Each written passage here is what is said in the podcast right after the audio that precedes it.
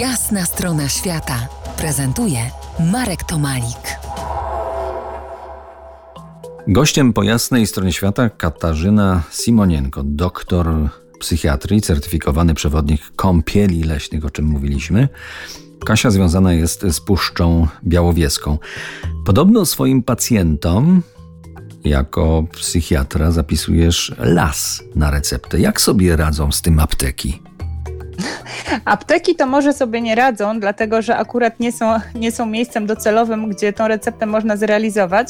Natomiast dobrze sobie radzą pacjenci i pamiętajmy, że to nie jest albo albo, tak? To nie, nie jest, że ktoś dostanie tabletkę, ktoś dostanie zalecenie, żeby wyjść do przyrody. Jeżeli dbamy o zdrowie kompleksowo, dbajmy o jego wszystkie aspekty, czyli o jego biologię na poziomie też farmakologicznym, o jego emocje na poziomie psychoterapeutycznym i o ekologię, o czym mówi ekopsychiatria, taka bardzo ciekawa dziedzina psychiatrii, podkreślająca to, że nie ma zdrowia jednostki bez zdrowia wokół, czyli zdrowej planety, zdrowych innych gatunków. E, tym się zajmuje między innymi e, koncepcja One Health, czyli jednego zdrowia. I takie zielone recepty są dosyć popularne nie tylko właśnie w Polsce, ale też w Szkocji, między innymi w Skandynawii, żeby szybciej dojść do siebie, jeżeli przechodzimy różnego rodzaju kryzysy, jeżeli jesteśmy osłabieni po przewlekłych stresach, mobbingach, wypaleniu zawodowym, chorobach jakichś wirusowych nawet, czy, czy różnych innych, które nasz organizm drenują z sił. No i takie zielone recepty to jest właśnie jeden ze sposobów, jak możemy sobie naturalnie nasze zdrowie tutaj wspomóc. E, ja już sobie nie wyobrażam, żeby bez tych wypraw leśnych jakoś egzystować. Forest addiction.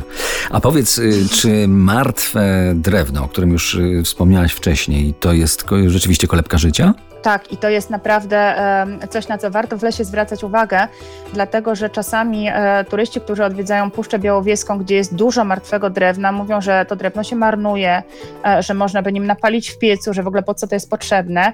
A wyobraźmy sobie, że mm, gdyby nie było gałęzi, gdyby nie było kłód, które się rozkładają, jak inaczej taki las naturalny mógłby być urzeźniany. Przecież nikt e, tam nie rozrzuca, prawda, jakichś specjalnych nawozów, odchody zwierząt nie wystarczą. Natomiast wszystkie te zasoby, które gromadzą wiekowe, wielusetletnie drzewa, one mogą wracać do gleby i stąd kolejne organizmy, które tam rosną, one są bujne, są ogromne, są silne.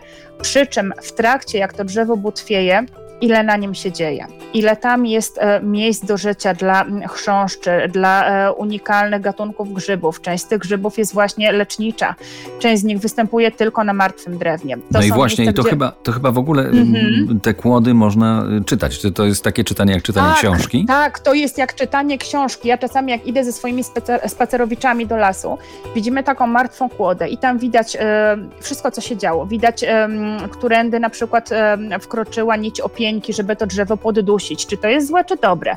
Że są przeróżne orientacje seksualne w przyrodzie i nikt nie mówi, że jakaś jest e, nie okay, prawda? Więc natura jest przeogromną, fantastyczną przestrzenią. No to powiem tak, bo ja blisko lasu mieszkam. Przeczytałem dziś pięć kłód. Brzmi fantasmagorycznie, ale e, do dyskusji, do kolejnego czytania zapraszam za kilkanaście minut. To będzie ostatnie spotkanie z Kasią dzisiaj. Zostańcie z nami. To jest jasna strona świata w RMS Classic.